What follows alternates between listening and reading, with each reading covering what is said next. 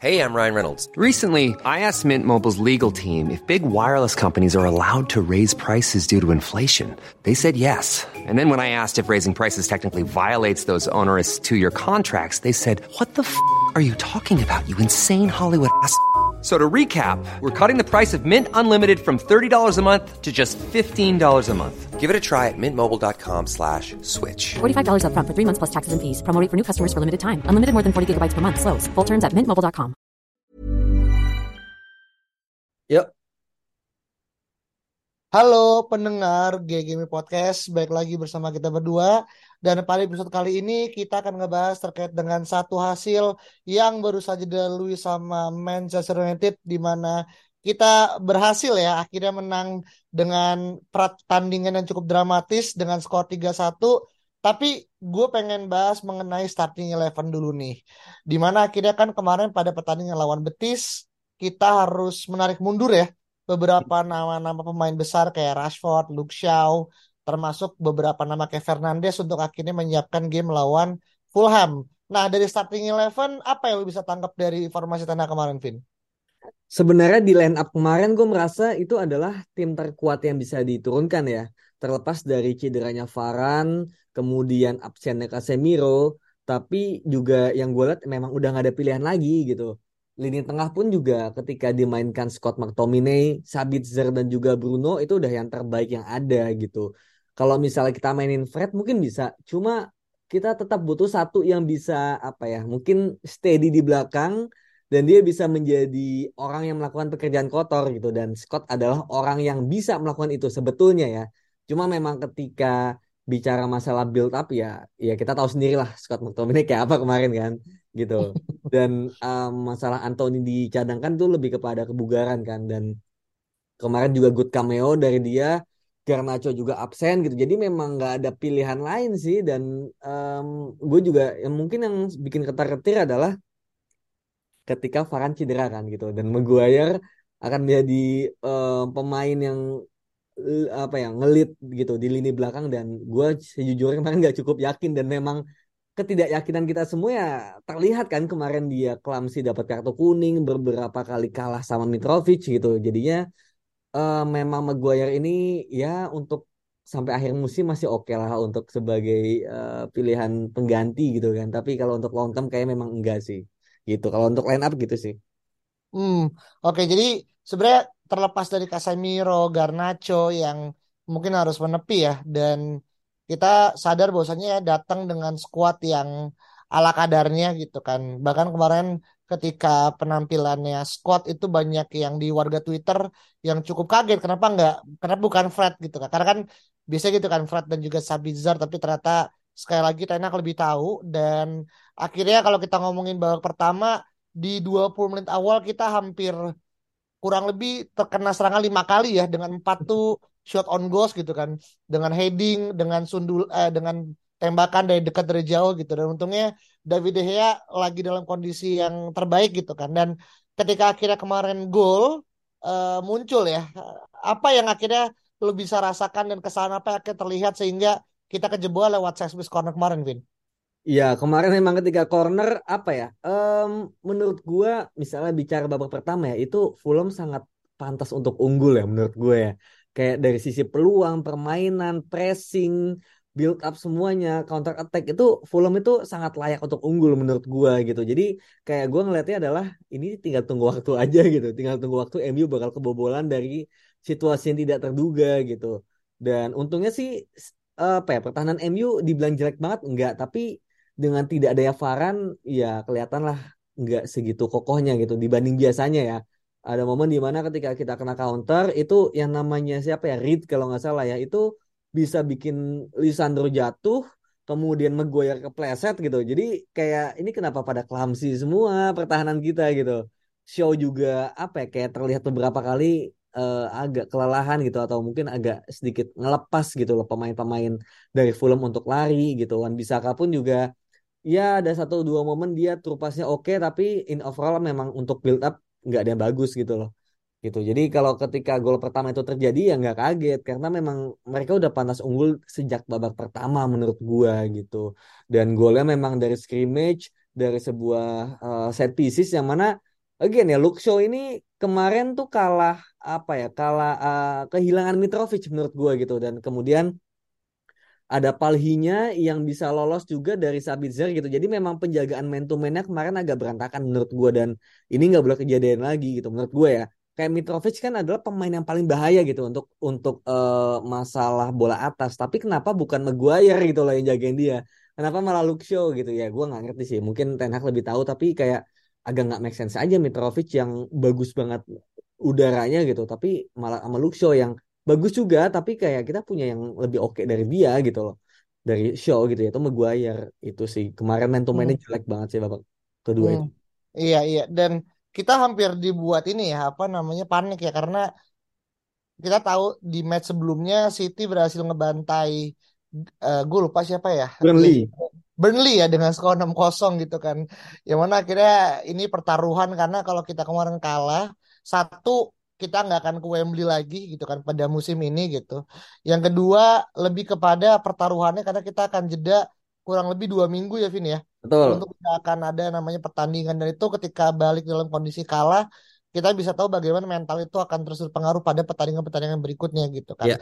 Apalagi itu di bulan April juga cukup padat. Untungnya semua berubah ketika menit 70 datang gitu kan. Di mana akhirnya super sub kita Anthony berhasil ngebuat suatu perbedaan yang menurut gue cukup signifikan ya. Asin secara player dia berhasil bukan hanya membuat quote unquote deadly assist untuk Sancho yang akhirnya harus membuat William menggunakan tangan tapi juga secara permainan ada hal yang akhirnya lebih hidup ya di sisi kanan gitu kan. Hmm. Kemarin pada saat babak pertama kita sering lihat ya antara Sancho dan juga Rashford tuh bergonta-ganti itu dengan waktu yang cepat gitu. Iya, iya. Kurang dari lima menit tuh mereka ganti lagi, ganti lagi. Bahkan kita bingung ini yang main di kanan tuh siapa gitu kan.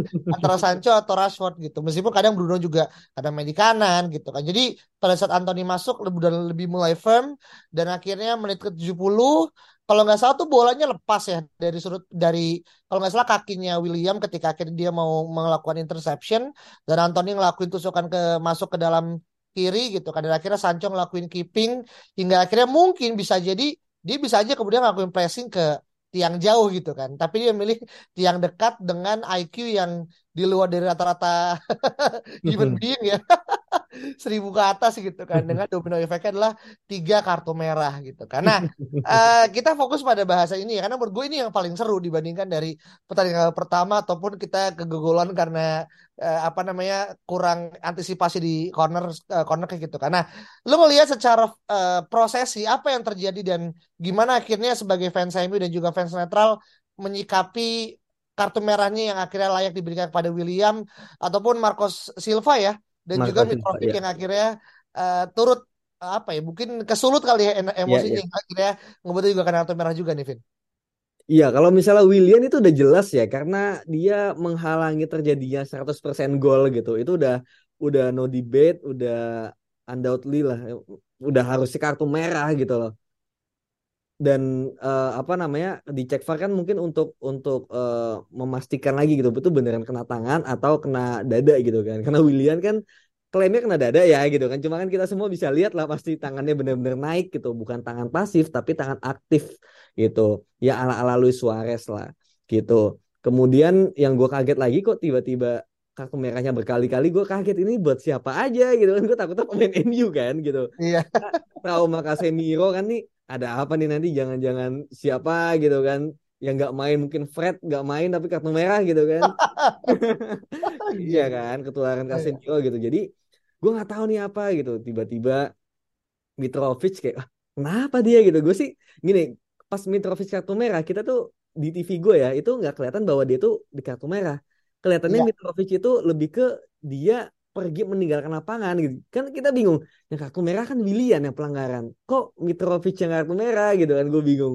Dia yang keluar lapangan ternyata pas replaynya ternyata dia ngedorong kan kayak lalu ngapain sih gitu lu lu nggak tahu aturan emang maksudnya kalau yang uh, kan banyak dibandingkan ya sama Bruno Fernandes pas lawan Liverpool gitu itu mungkin menurut gue udah kasihan juga kali ya jadinya nggak tega buat ngasih kartu merah gitu ke tim yang udah kebantai 7-0 gitu tapi kalau yang uh, Mitrovic kan lebih kepada dia kayak ngajak berantem menurut gua gitu loh. Kalau Bruno kan lebih ke apa ya mungkin ah ya lah lu gitu kasarnya gitu kan. Hmm. Tapi kalau yang Mitrovic itu bener-bener kayak ngajak berantem wasit gitu loh. Jadinya mungkin si uh, wasitnya juga merasa offended juga kayak udah lu diem atau gue kartu merah ya udah bener kartu merah kan kalau Marco Silva gue nggak ngerti sih kayak protes berlebihannya itu menurut gue masih protes biasa gitu tapi sampai di kartu merah itu kayak yang buat gue sih nggak penting juga ya Marco Silva di kartu merah atau enggak kayak nggak terlalu penting gitu. Cuma dengan kehilangan William aja udah bagus banget ini ditambah Mitrovic lagi gitu. Jadi kayak gue merasa wah ini ini harus menang sih ya kali gak bisa. Gitu sih. Iya iya iya. Karena jujur itu tuh hal yang akhirnya meskipun ya meskipun gue cukup yakin ya dengan skor satu kosong dan meskipun William misalkan nggak kartu merah karena MU juga lagi menguasai ya karena beberapa peluang kan juga sebenarnya terciptakan sebelumnya gitu. Hanya saja sekali lagi finishing dan juga uh, apa namanya ada koordinasi yang akhirnya agak kacau sehingga akhirnya gol itu belum terjadi. Tapi ketika dua kartu merah bahkan tiga plus uh, Marco Silva gitu kan, ini menurut gue udah winner takes all gitu kan. Yang terbukti penaltinya Bruno ya yang akhirnya dia masuk ke jajaran pemain dari luar Inggris ya yang main di MU akhirnya bisa mencetak lebih dari 50 gol ya, ya. selama tiga musim gitu kan. Menurut gue itu adalah pencapaian yang kurang kan jelas bener kata yang ditweet sama GMU adalah trofi Liga Inggris gitu. Ini kan akhirnya belum dikawinkan dengan gol yang udah diciptakan. Tapi uh, satu menit kemudian akhirnya dengan kurun waktu yang cepat Shaw berhasil membuat umpan terukur ya kepada uh, uh, Sabitzer yang akhirnya mencetak gol perdana ya di Old Trafford meskipun di babak pertama kan dia juga melakukan shot ya yang sangat keras gitu kan. Yeah. Babak kedua juga gitu meskipun ujungnya sih emang uh, tepat terarahnya Bernleno gitu tapi gol kemarin menurut gue adalah mungkin gol terbaik ya yang akhirnya pernah gue lihat gitu kan yang dilakukan sama seorang yang baru mencetak gol pertama gitu kan. Nah kalau lihat dari prosesinya untuk golnya Sabitzer itu pure karena momentum atau memang ada kecerdasan yang memang dilakukan sama main MU untuk akhirnya bisa sealing the deal secepat mungkin Win. Ya kombinasi keduanya sih menurut gue gitu. Jadi ketika kartu merah itu terjadi menurut gue ya angin udah ke MU semua. Tinggal apa ya kayak ini ketika penalti ini harus masuk gitu. Kalau penalti gagal mungkin kita bisa beda lagi kan gitu. Cuma karena penalti yang masuk gue sempet nggak mau ngeliat juga kan gitu. Cuma somehow gue punya keyakinan mental pemain MU di bawah Ten ini udah beda.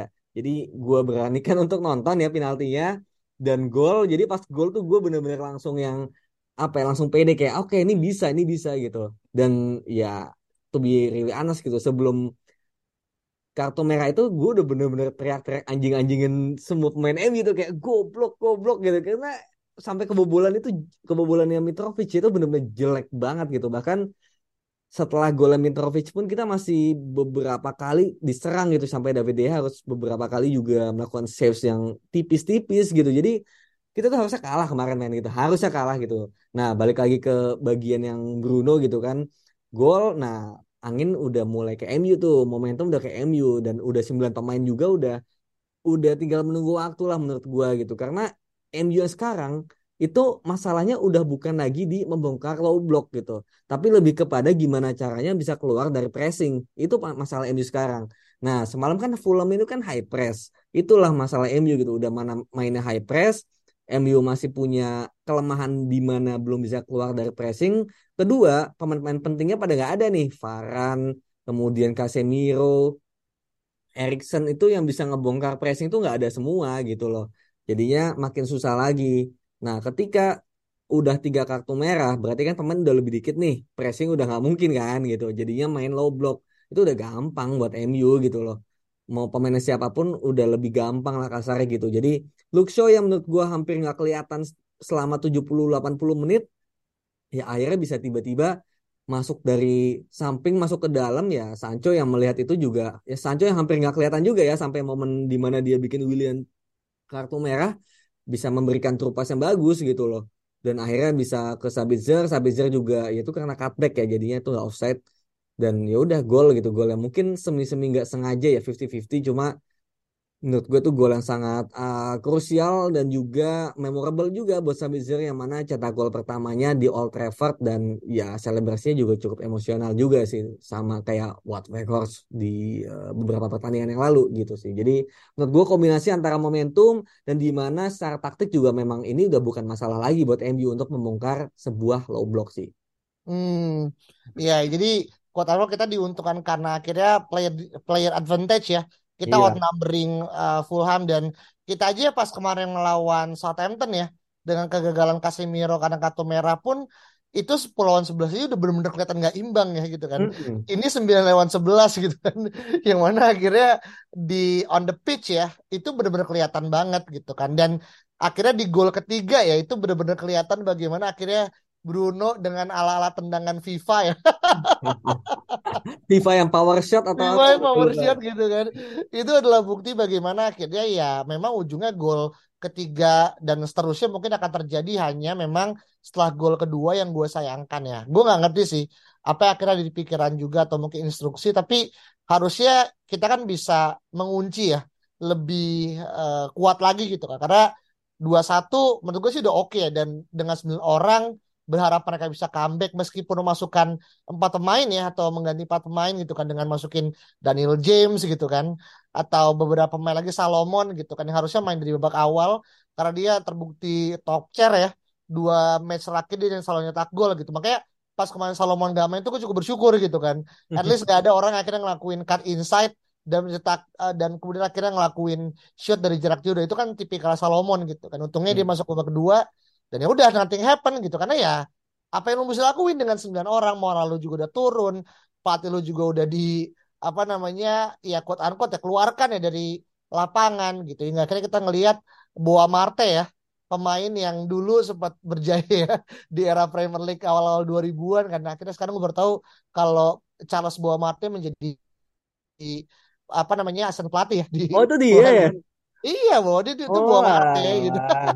Iya Portugal kan dulu kan? Iya iya, makanya kan pas Oke. itu ternyata BOA kan, nih gue bingung nih kan ternyata eh, apa namanya komentatornya bilang itu adalah Boa Marte, ternyata oh iya gue baru inget ternyata emang bener dia gitu kan. Jadi kayak Iya. ada banyak yang terungkap setelah dari sesi kartu merahnya Marco Silva gitu kan. Tapi itu dua akhirnya kemarin kita mengunci sekali lagi ya skor 3-1 setelah di empat pertandingan ya di babak ke berapa tuh ke tiga empat lima ya Hmm. kita kan juga mengunci kemenangan 3-1 lawan Dan di Everton home dan di home semua ya? dari home semua gitu kan Anjing emang. empat beruntun itu home dan empat empatnya tiga satu gitu kan Iya. dan akhirnya selepas eh, dari pertandingan selesai kita tahu ya udah tahu bahkan eh, kita akan ketemu siapa gitu yang mana menurut gua ini emang agak dibuat lebih jalannya lebih bergerigi ya. Tuh. karena selalu menemukan tim-tim dari eh, Liga Inggris gitu. Di mana kita akan ketemu dengan Brighton and Hove Albion yang mana menang dengan skor meyakinkan ya. Empat satu atau lima satu ya. Mm-mm. iya kan? Iya, pokoknya cukup menang cukup gede lah besar. ya. ya, besar kok. Segala macam lawannya itu Grimsby.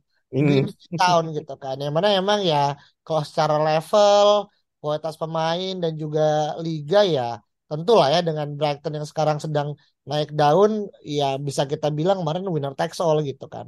Dan ini akhirnya menjadi salah satu eh, apa ya mungkin nostalgia sekaligus eh, warning ya buat Tena karena ya kita akan ketemu lawan yang dibandingkan City ya yang ketemu dengan Sheffield tanpa kemudian akhirnya mengurangi rasa hormat gitu kan. Tapi menurut gua ini akan menjadi tantangan terberat gitu. Karena eh, yang paling ditunggu kan adalah pertarungan antara eh, 1v1 antara eh, Mitoma Hmm. dan juga Wan Bisaka gitu kan. Yang satu nulis tesis tentang art of dribble, yang satu lagi adalah orang yang akhirnya mungkin one of the best one one v one apa namanya situation gitu kan. Iya. Ini kan jadi sangat menarik. gitu. Tapi kalau ngomongin masalah drawing, ada nggak yang mungkin lu pengen uh, komentari, Vin? Kalau masalah drawing, ya gue sejujurnya ya, gue mimpi ya, gue tuh mimpi MU itu lawannya City, gitu. Dan gue gue kan juga baru tahu ya ternyata drawingnya itu persis sebelum MU main gitu. Jadi sebelum MU main emang gue udah nyetel duluan kan sambil nunggu. Tiba-tiba drawing yang tadi gue mau tinggal gue mau gue tinggal makan, tiba-tiba gue jadi nonton kan kayak, oh apa nih tiba-tiba drawing kan. Gue lihat ternyata eh, apa namanya pertama kalau nggak salah Brighton gitu kan yang di drawing. Terus kemudian keduanya MU kayak wah anjing lawannya Brighton lagi gitu kan. Ya meskipun itu juga MU belum main ya cuma kayak lawannya Brighton nih gitu. Terus satunya City sama Sheffield kayak ya City lagi kena yang gampang lagi nih lagi-lagi gitu kan di FA Cup ini gitu. Jadi gue mungkin di awal berharap Sheffield atau Blackburn tapi memang ternyata ya Brighton sih gitu ya. Menurut gue pilihannya kan antara itu aja gitu, antara Sheffield ataupun Brighton gitu. Kalau City kayaknya terlalu cepat gitu kan untuk ketemu di semifinal. Jadinya memang mungkin ada sedikit ini ya namanya konspirasi settingan ya biar nantinya derby Manchester di final itu kan sangat seksi ya menurut gua gitu. Jadinya Hmm. um, memang dirancang seperti ini gitu. MU Brighton menurut gue juga akan menjadi pertandingan yang sangat-sangat keren gitu kan dari sisi taktikal ya. Apalagi kalau kedua tim pemain-pemainnya pada uh, fit semua, pulih semua, nggak ada suspend juga. Kita juga kemungkinan Erikson udah bermain, Casemiro juga harusnya kalau nggak aneh-aneh lagi ya harusnya mungkin udah bisa bermain juga. Varane juga udah fit. Anthony Martial juga harusnya ya mungkin ya kalau nggak cedera lagi ya gitu kan harusnya udah fit juga gitu. Jadi ini akan menjadi pertandingan yang keren banget sih dan drawingnya menurut gue juga ya cukup fair lah. Hmm. Apalagi kalau semifinal kan kita main di Wembley anyway kan gitu kan. Ya, udah benar. ngaruh sih home away-nya. Iya, iya. Makanya jadi kemarin pun bahkan setelah dari pertandingan adminnya Twitter MU kan langsung ini kan posting see you again at Mm-mm. Wembley gitu kan. Jadi memang eh, ini adalah salah satu apa ya mungkin psychologically positif karena ya buat eh, apa tim Liga Inggris ya bermain di Wembley kan adalah suatu apa ya bisa dibilang prestis ya. Eh, even buat pemain-pemain lokal tersendiri gitu kan. Karena kita tahu bagaimana sejarahnya Wembley dan juga beberapa hal yang akhirnya eh, ngebuat akhirnya buat bermain tuh menjadi sangat historik. Terutama buat Sancho ya buat Rashford gitu kan yang pernah akhirnya mengalami momen-momen tragis gitu ketika akhirnya gagal menjuarai Piala Eropa gitu kan. Tapi poinnya adalah kita akan sekali lagi kembali ke Wembley. Dan kita kalau nggak salah bermain di minggu kedua ya bulan April Iya. eh seingat gua Itu gitu itu uniknya ya, itu kita main tuh di tanggal eh bentar gue liat kalender. Itu bulan April tuh kalau nggak tanggal 22 23 Sabtu atau Minggu yang kemungkinan Minggu kan. Karena hari Kamis Jumat pagi kan kita akan melawan Sevilla Hmm. away gitu. Jadi udah pasti kita mainnya Minggu nggak mungkin Sabtu. Nah, itu itu Sabtu atau Minggu itu adalah kita malam Lebaran men. Nah Gitu. Jadi hari raya semoga ya kita juga merayakan kemenangan. Jangan sampai kita malam menonton MU pagi sholat id gitu kan. Tapi dalam keadaan murung yang yang akhirnya ngebuat hari raya semakin ini ya, semakin jadi bukannya kita bisa saling memaafkan, justru malah akhirnya menambah rasa dendam, terutama kalau kita maaf-maafan sama fans yang non dari MU gitu. Iya kan?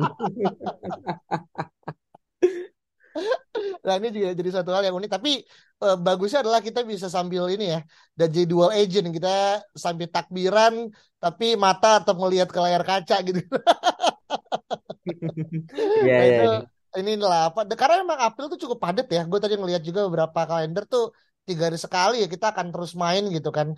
Dan memang lebih banyak ada di Liga Inggris ya. Betul. Karena kan emang dikebut makanya dia yang bilang kan juara Liga Inggris itu akan ditentukan di akhir April gitu. Dan menurut gue sih ya sooner or later ini akan terungkap lah siapa yang akan eh, mencapai Promise Island gitu kan. Dan meskipun MU juga ya lebih fokusnya lebih pada mengamankan tiga besar ya.